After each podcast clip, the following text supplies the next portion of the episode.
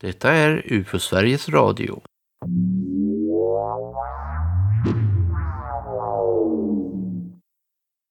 Fallen från skyn. En ljudlig duns fick invånarna i ett hyreshus i Orlando i Florida att titta ut från sina fönster på tisdagen. Utanför låg en svartklädd kvinna med långt svart hår. Hennes kropp var svårt sargad som om hon hade fallit från en mycket stor höjd. Men varifrån hade hon ramlat? Vi har ingen aning, säger kriminalkommissarien Delrich Moss till nyhetsbyrån AP. Polisen i Orlando misstänker att kvinnan kan ha hoppat eller kastats ut från ett flygplan. En annan möjlighet är att hon försökt ta sig ombord som fripassagerare och sedan fallit sedan hon tappat taget. Visserligen ligger ett 20 våningar högt hyreshus i närheten, men den döda kvinnan låg allt för långt därifrån för att det skulle kunna vara förklaringen. Kvinnan var klädd i en lång svart skjorta och svarta tights. Hon var vit med långt svart hår och troligen i 35 till 40 års åldern. Vid fallet hade kroppen träffat en mur och delats på mitten. Liknande händelser har inträffat tidigare. I maj 1996 hittades en svårt skadad kropp i en förort till Miami. Den döde identifierades senare som en fripassagerare som hade fallit efter att ha försökt hålla sig fast i passagerarplanets hjul. Samma vecka fann New York-polisen kroppen efter en annan fripassagerare i vattnet utanför New York. Och det är nu det börjar bli konstigt och då kanske ni förstår vart vi är på väg med dagens avsnitt av UFO Sveriges Radio. Den 14 mars sjönk en japansk fiskebåt efter att ha träffats av en fallande ko. Ja, just det, en kossa. Besättningen lyckades sända ut ett nödrop och kunde räddas innan fiskebåten sjönk. När besättningsmännen frågades ut av kustbevakningen gav de alla samma förklaring till att deras skepp hade gått under.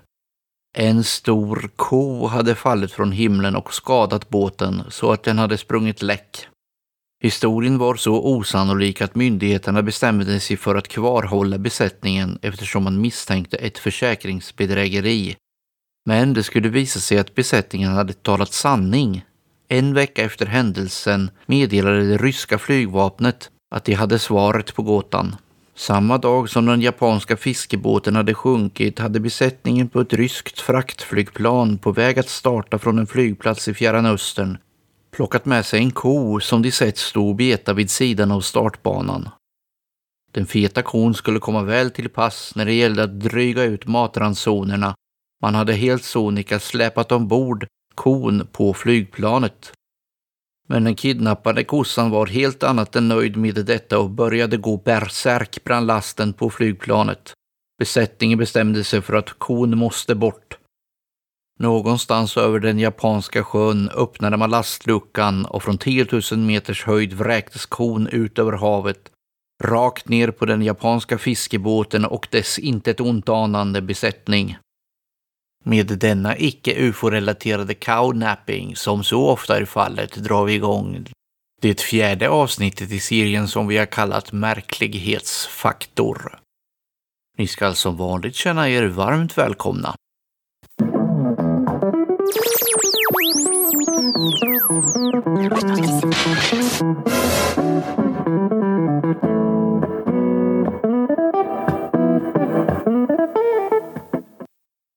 det här avsnittet av UFO Sveriges Radio berättar Anders Berglund och jag, Tobias Lindgren, några välvalda anekdoter med hög märklighetsgrad ur den digra UFO-historien.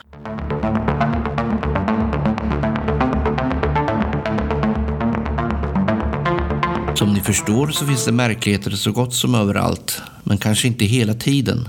Till synes ger det sig till känna helt slumpmässigt och tycks varken bry sig om rum eller tid.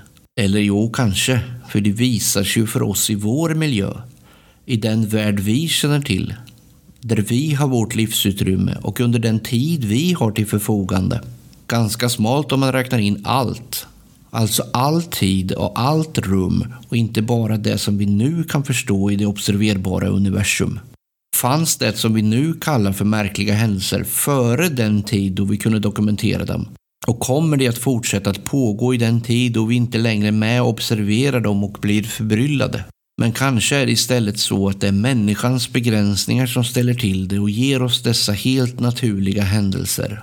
Men som vi tolkar som märkliga bara för att de är udda i mänskliga sammanhang.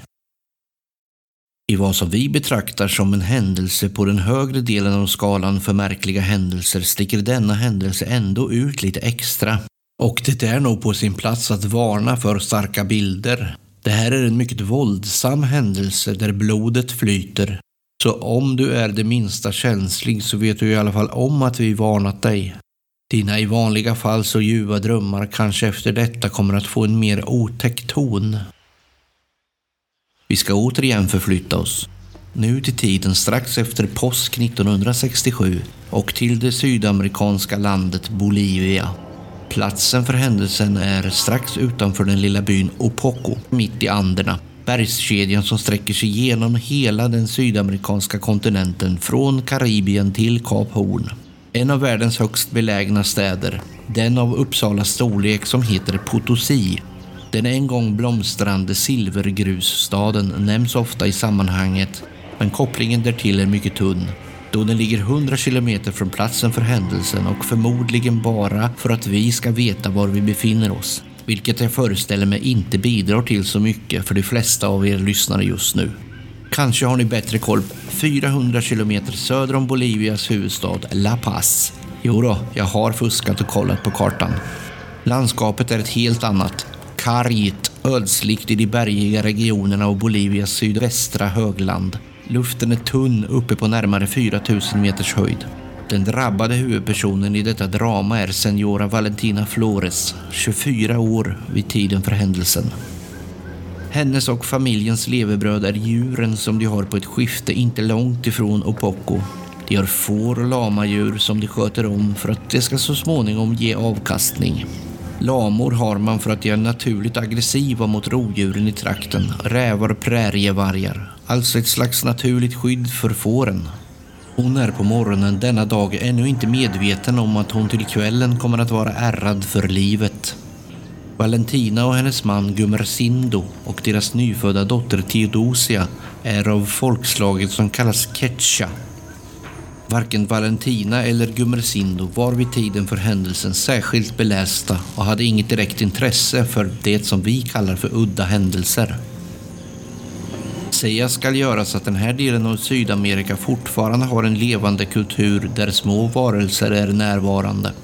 Dessa kan liknas vid naturandar eller det som vi kallar för de små ondariordi, älvor, nymfer, tomtar, dvärgar, goblins, leprechoner, vättar, pysslingar, kobolder och annat oknytt, även om de har sin egen sydamerikanska kulturella kontext. Detta kan ge sig i uttryck i sådant som att man gärna ger någon gåva till dessa små. Exempelvis när man ska gå in i berget eller gruvan. Det kanske kan vara lite kokablad, choklad eller varför inte en cigarr. Därmed inte sagt att denna händelse har sitt ursprung i detta. Sent på eftermiddagen ska Valentina flytta deras flock med 64 får till ett närbeläget fält i det böljande landskapet där de har en innehägnad gjord av sten.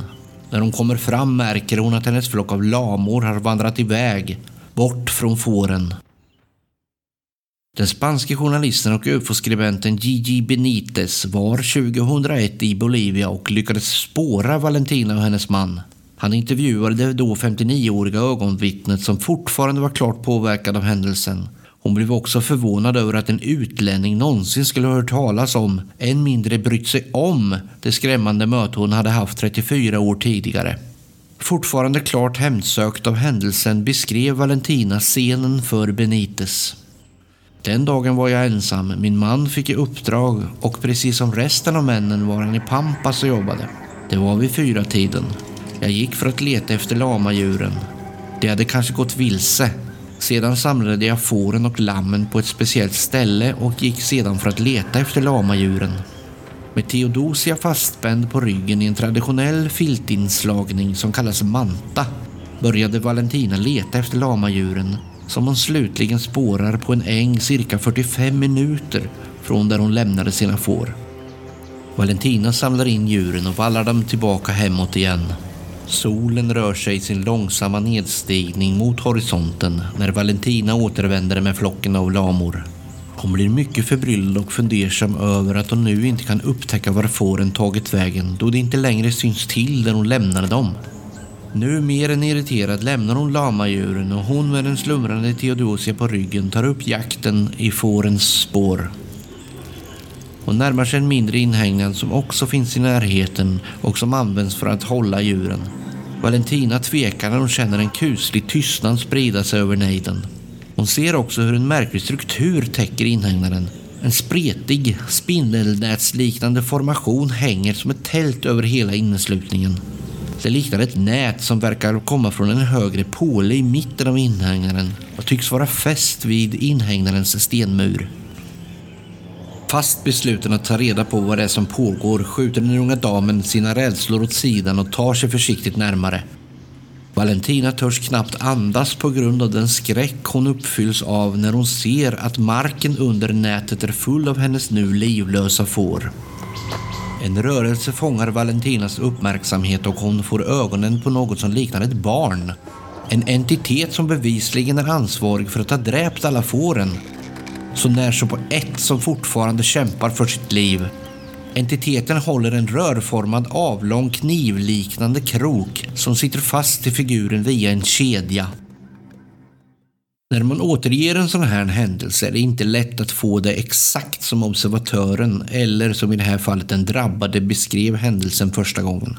Den tidigaste källan till händelsen som jag har fått fram är juli-augusti-numret 1970 av Flying Saucer Review där Oscar Aga Lindes återger en händelse om en våldsam humanoid. I den artikeln nämns också att händelsen först återgavs i den lokala tidningen Kritika. Den har jag dock ännu inte lyckats gräva fram.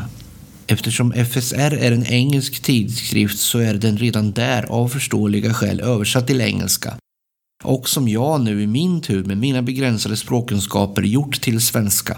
Vi vet ju alla att en historia förvanskas mer och mer för varje steg den tar bort från sin källa.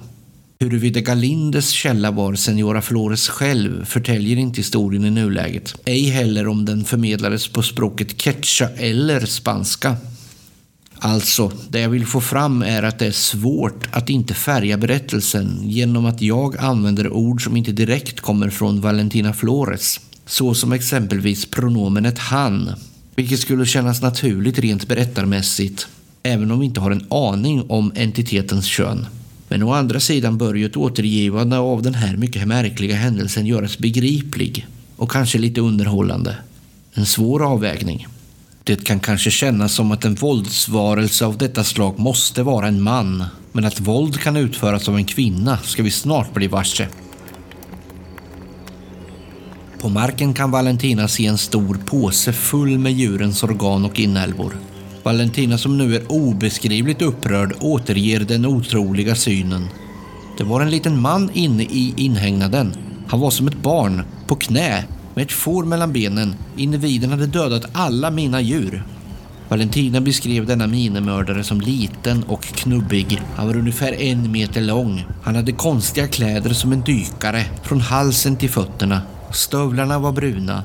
Röda korsande remmar täckte figurens bröst i en X-form som höll upp en stor, märklig, till synes mekanisk ryggsäck.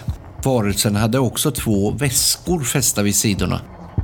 Valentina noterade varelsens udda hjälm som allra högst uppe på hjässan hade en liten propeller. Valentina beskrev varelsen. Mycket vit hud med blont hår blå ögon och en röd kraftig mustasch.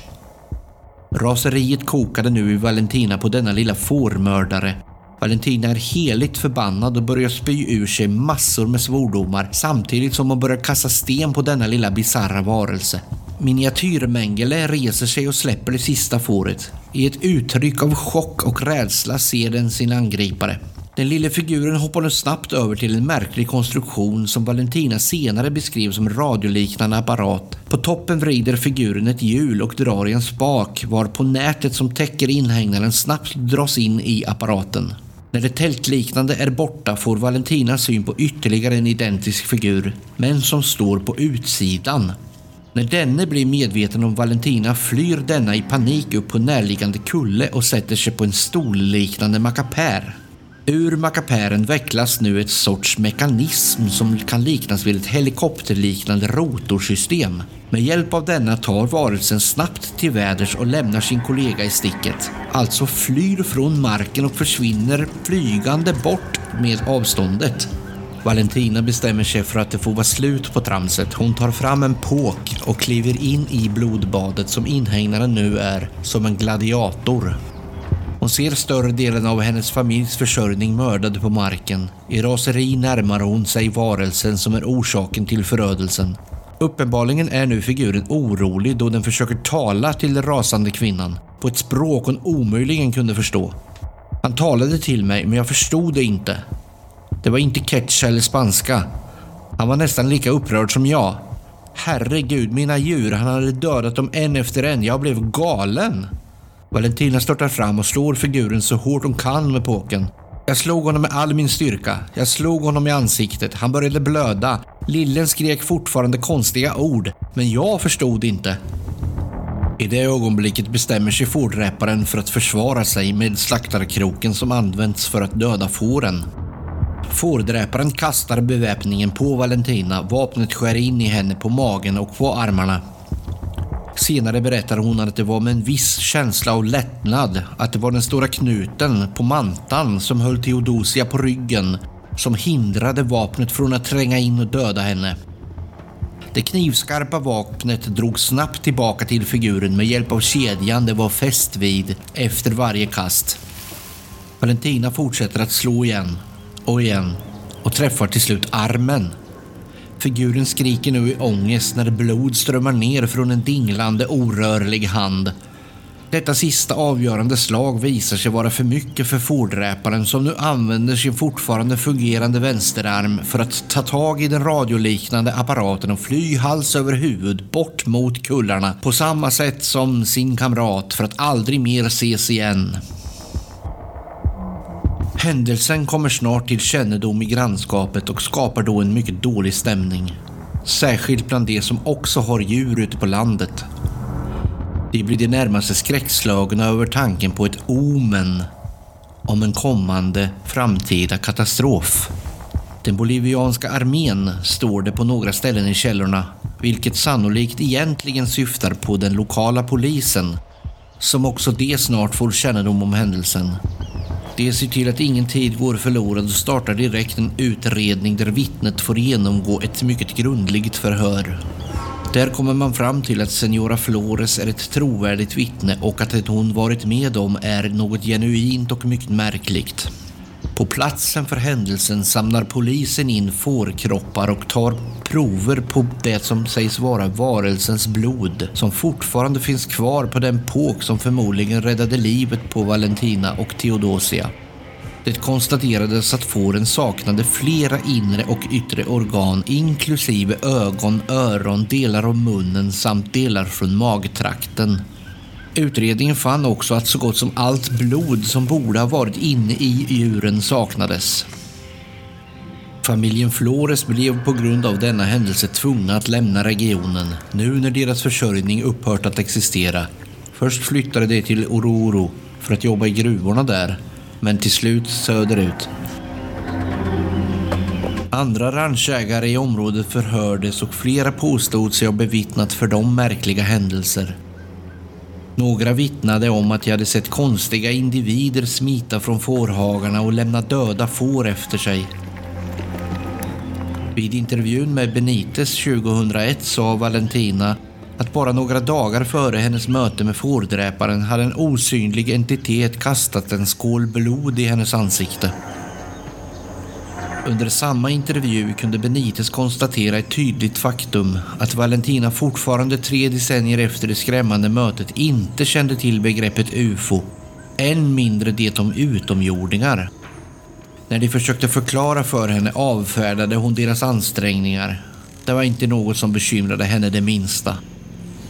Det som dock oroade Valentina och som fortsatte att hemsöka hennes drömmar var den onda, lilla, röda, mustaschprydda varelsen som flög upp i himlen med en påse full av organ som lämnade henne i en blodig röra och försatte hennes familj i ett tillstånd av total ekonomisk ruin.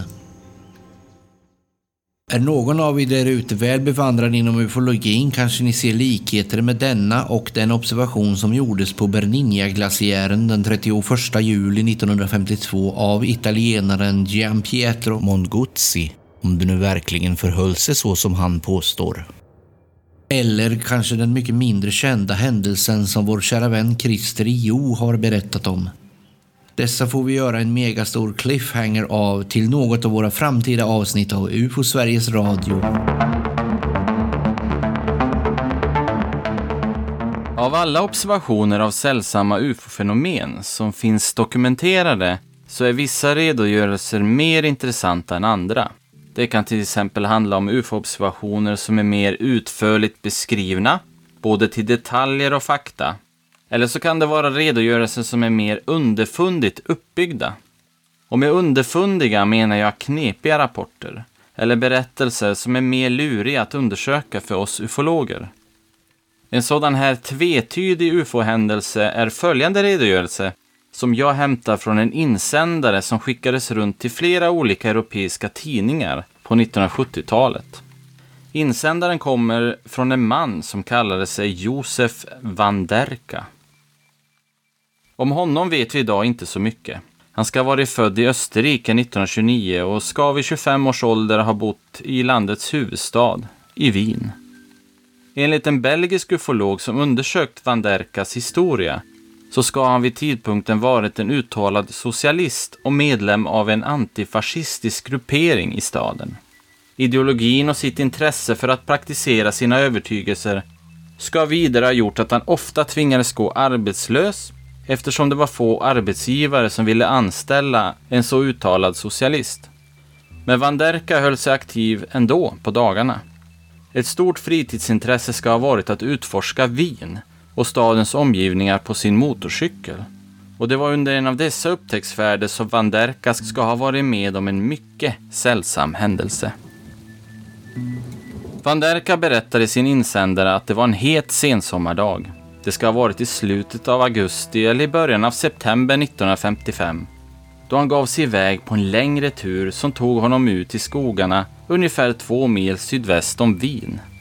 Han åkte längs en skogsstig när han plötsligt märkte att det glimtade till mellan bladen och grenarna. Det var något som lyste bland träden och han blev naturligtvis väldigt nyfiken på vad det kunde vara. Van Derka beskriver hur han svängde av ut i vegetationen och lyckades manövrera sin motorcykel fram till en glänta som öppnade sig i skogen. Där i gläntan fick han syn på ett mycket märkligt föremål. Det såg ut som en farkost av något slag. Ett diskusformat metalliskt föremål som vilade direkt mot marken.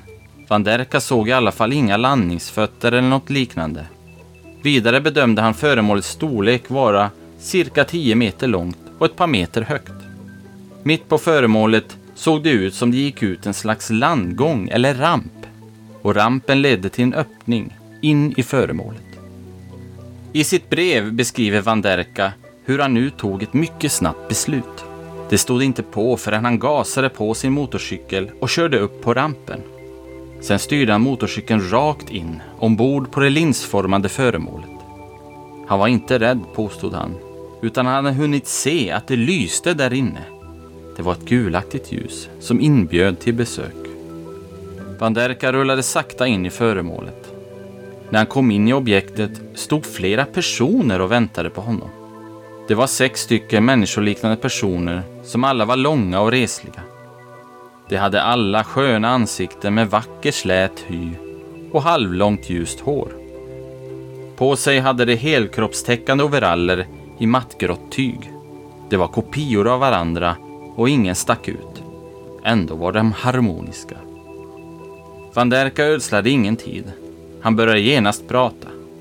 Han presenterade sig, sa sitt namn och uppgav sin adress och bad om ursäkt för att han bara åkt rakt in i föremålet utan att först ha bett om tillåtelse. Han fick svar på bruten tyska. Häpen fick han höra att de lärt sig språket eftersom de kommer från yttersta kanten av Cassiopeia. Vad det nu betyder. Cassiopeia är ju inte en planet eller fysisk plats som vi känner till, utan en stjärnbild som vi kan se från jorden från norra halvklotet. Så ska vi ta dem på orden, dessa utomjordingar, så är det väl i den riktningen någonstans som de ville placera sin hemvist. Van Derka blir naturligtvis väldigt förvånad när han får veta att han befinner sig framför varelser från en annan värld. Men han finner sig snabbt. Van Derka passar genast på att fråga hur de löst sina politiska frågor och problem. Det är ju frågor och problem som ligger Van Derka varmt om hjärtat. Van Derka berättar hur det ser ut på jorden. Med en privilegierad samhällsklass som skapar ett paradis för sig själva samtidigt som man låter arbetarklassen lida under löneslaveriets bojor. Cassiopeianerna ska tålmodigt ha lyssnat på utläggningen och svarar till slut att man sedan länge hade ett samhällssystem som inte tillät några orättvisor. Det var ett svar som Anderka blev jätteglad över. Han frågar vidare om det kan ingripa och hjälpa jorden att bli fritt samhällets alla orättvisor. Till svar får han att det måste han själv initiera. Och Cassiopeianerna avslöjar vidare att revolution kan påbörjas om man bara viger sig själv till det. Ska vi ta Van Derka exakt på orden så är det alltså utomjordingar han talade med. Att personerna han träffade på i det där föremålet ute i skogen, personer som liknar människor väldigt väl, att det ändå var från en annan plats i universum. I beskrivningen liknar de oss väldigt mycket, men ändå inte. Van Derka redogör i sin insändare hur de talade med ljusa röster. Röster som han uppfattade som kvinnoröster. Det är alltså små detaljer som skiljer honom från utomjordingarna. De ljusare rösterna, de vackrare anletsdragen, den mer utvecklade och rättvisare synen på världarnas samhällsordning som det ändå visar sig dela även med oss jordlingar. Hur länge samtalet varade får vi gissa. Ett tag i alla fall. Det måste ha varit det mest sällsamma samtal som Van Derka någonsin haft. Och han gjorde det mesta av det. Han passade på att inleda en passionerad diskussion. En diskussion om sociala frågor, om orättvisor, om världens samhälleliga och rasistiska klasskillnader. Enligt Van Derka föreslog det att han, som en representant för hela jordens folk, skulle ställa sig i spetsen för en aktion i avsikt att förbättra förhållandena på jorden. Det blev också ett känslosamt samtal eftersom Cassiopeianerna vid ett tillfälle brast ut i tårar. Tårar som fälldes för det fruktansvärda förtryck som de menade höll jorden i sitt grepp. Efter att ha diskuterat ett tag så tog Van Derka så småningom farväl. Han bugade sig och tog tag i sin motorcykel. Han rullade ut på landgången och vidare ner på ängen i gläntan utanför. Och puttrade iväg hem till Wien. Med det slutar Van Derkas redogörelse. Hur väl den stämmer överens med verkligheten kan vi verkligen diskutera. Men det är få fakta som pekar på att det verkligen hänt. Det viktiga Van Derka ville förmedla, misstänker jag, är nog hans politiska övertygelse. I Van Derkas redogörelse blir ufo-fenomenet ett föremål för ideologisk propaganda. Det socialistiska budskapet är inte bara ett internationellt utan även ett kosmiskt. Socialism är lösningen till världens orättvisor och problem och det är det samhällsskick som är framtidens, vilket alla utvecklade varelser ute i universum för länge sedan insett. En sällsam ufo-händelse eller ideologisk propaganda. Jag anar att Van Derkas insändare är det senare. Men oavsett rätta detaljer så är Van Derkas insändare för mig förunderligt. Det är ett unikt exempel på hur vi människor kan se på ufo-fenomenets vara eller inte vara.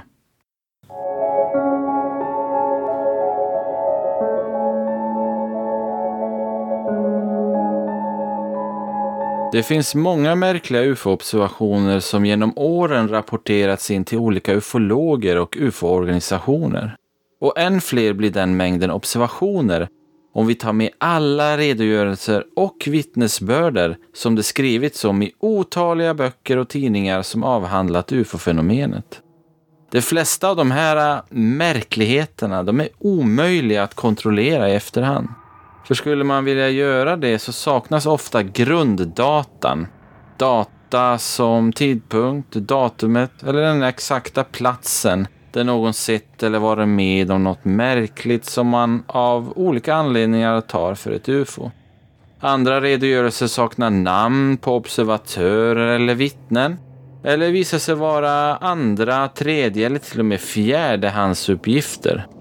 Och många har också inträffat alldeles för länge sedan för att man ska kunna få några svar på alla frågor som märkliga observationer påkallar idag. Flera är också observationerna som rör sig i vad man kan kalla gråzonen mellan återkommande ufo-fenomen och andra slags fenomen och upplevelser, som till exempel mänskliga fenomen eller upplevelser av folktro. Allt som oftast är det inte helt lätt att skilja på vad som är vad. En sån här märklig observation har jag läst om i den engelska ufo-tidningen Flying Saucer Review. Denna observation har blivit lite av en favorit hos mig och jag brukar fundera på den då och då. Jag tänkte dra den observationen här i UFO Sveriges Radio och, och hålla frågan öppen till er lyssnare. Skulle man kunna kategorisera detta som ett ufo-fenomen eller inte? Och vad ligger i så fall skillnaden i? Det var en ruskig vårdag den 9 april 1970 i södra Tyskland. Himlen över distriktet Biberach i regionen Bad Württemberg, den var mulen. Det regnade och hårda vindbyar svepte över nejderna. Max Kraus, en 65-årig pensionär, hade varit och handlat och var på väg hem till sitt hus i den lilla byn Langenschemmen. Klockan hade hunnit bli runt fyra på eftermiddagen. Kraus gick hem längs en grusväg. Efter en liten stund längs vägen så uppfattade Kraus ett par konstiga ljud. Det lät som två dova knallar eller smällar.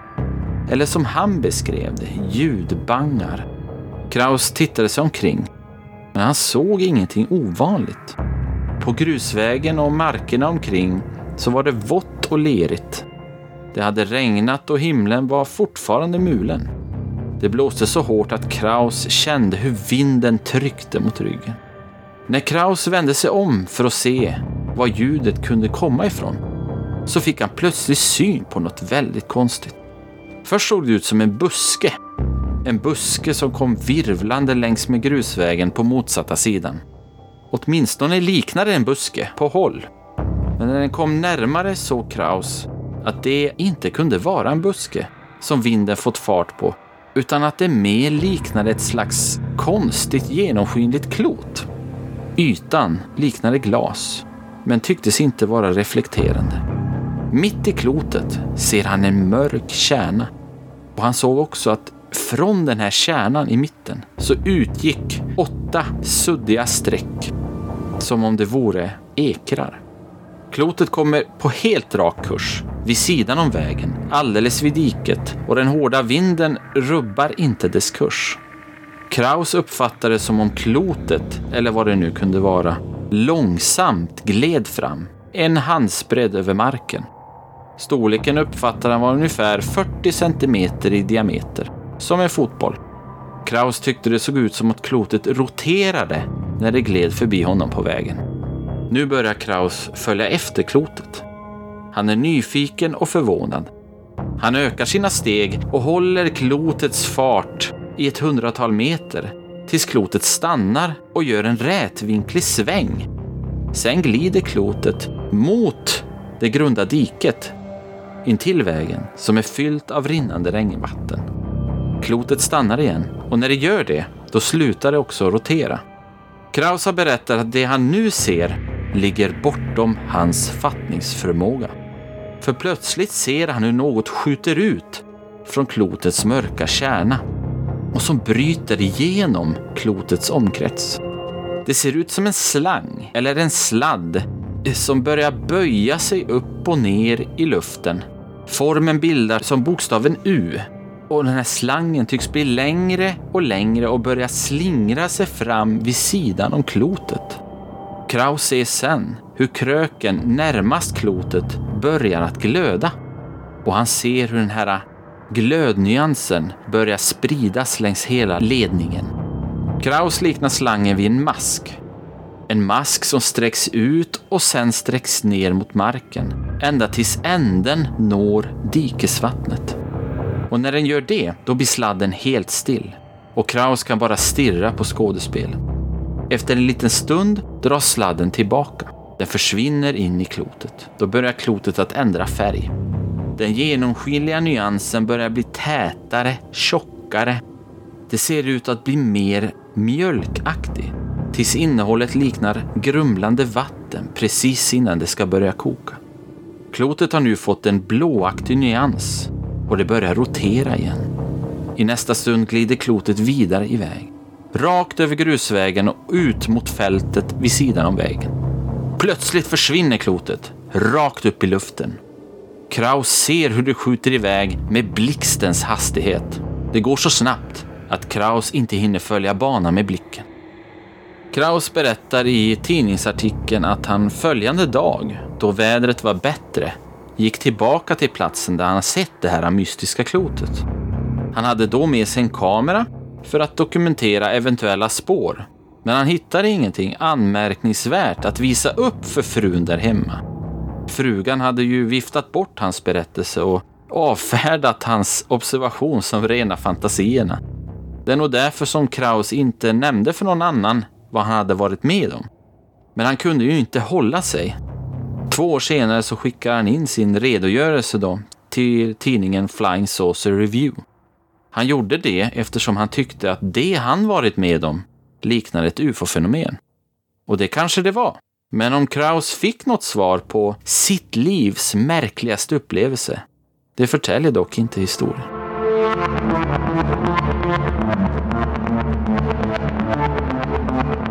Tiden och platsen för denna händelse är februari 1946 i den lilla orten Arsariguame i Brasilien, inte långt från Sao Paulo. Arsariguama ligger endast några kilometer från Rio Tete. Rio är flod på portugisiska, vilket är språket som talas i Brasilien. 1946 var orten isolerad och belägen långt ifrån allfartsvägarna och saknade både elektriskt ljus och telefoner. Framtidstron är inte stor bland befolkningen i Arsariguama 1946, där allt är centrerat kring den lilla kyrkan. Regionen är dominerad av lantbrukskulturen där folk försörjer sig. Det mesta har sin gilla gång av långsamma invanda identiska mönster som upprepas dag ut och dag in. Utom då för kanske en ovanlig sak. Konstiga ljus som syns flyga omkring på natthimlen. Ljus som gör stora språng över bergen och skogarna i trakten. Detta är något utöver det vanliga, något nytt, något överraskande, något mystiskt. Men om den här händelsen har med de mystiska ljusen att göra är inte lätt att veta. Då de källor vi hittat inte berättar om något som helst samband. Den här dagen kan man kanske tänka sig att det åts en och annan semla i ett snöigt Sverige. Det var nämligen fettisdagen 1946, den 5 mars. Det som i övrigt sätter just denna dag på kartan är att i ett tal i Fulton, Missouri myntar Winston Churchill uttrycket järnridån om gränsen mellan Öst och Västeuropa. Chao Prestes Filo hade bestämt sig för att fiska med sin kompis Salvador dos Santos i Rio Tete. Om det är viktigt för berättelsen får ni avgöra, men Prestes var vid händelsen 40 år och vid god hälsa och arbetade med både lantbruk och affärer, men alltså inte denna dag.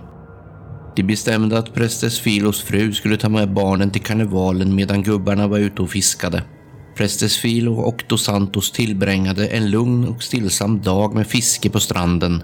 De bröt inte upp förrän framåt midnatt då temperaturen började sjunka.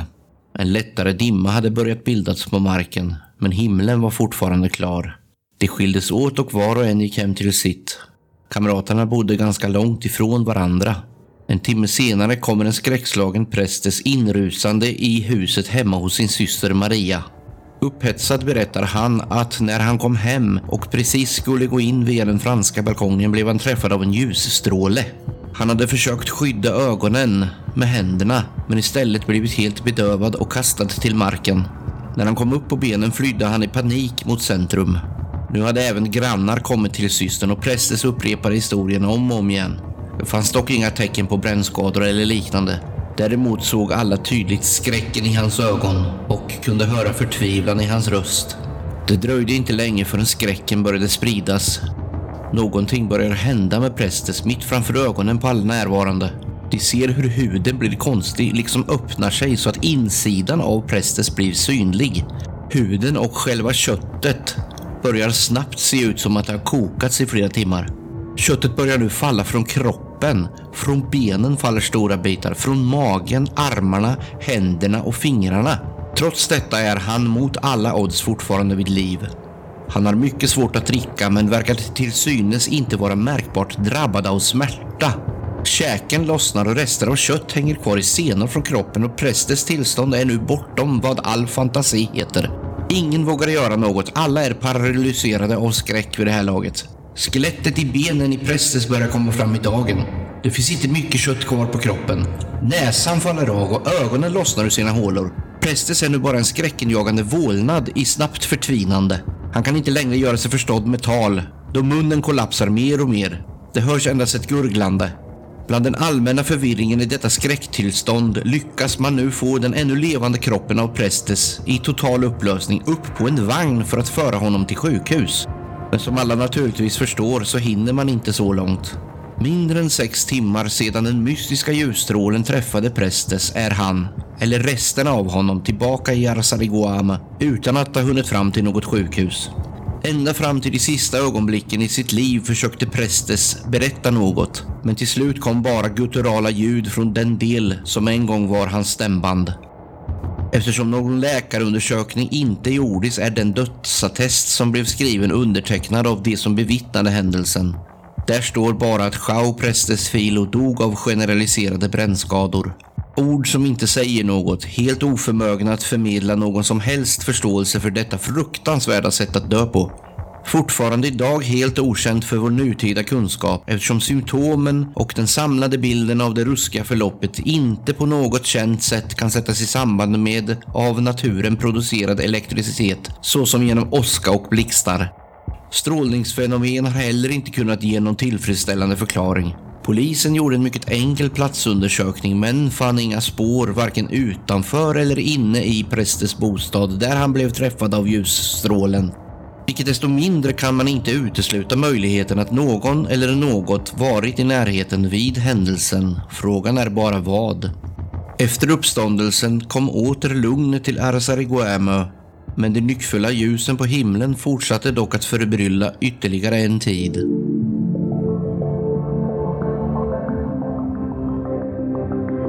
UFO Sveriges Radio görs som vanligt av Riksorganisationen UFO Sverige. Vill ni komma i kontakt med UFO Sverige gör ni det enklast via e-mailadressen info.ufo.se. Information hittar ni på vår webbplats ufo.se. På snart återhörande säger jag och säger tack för idag.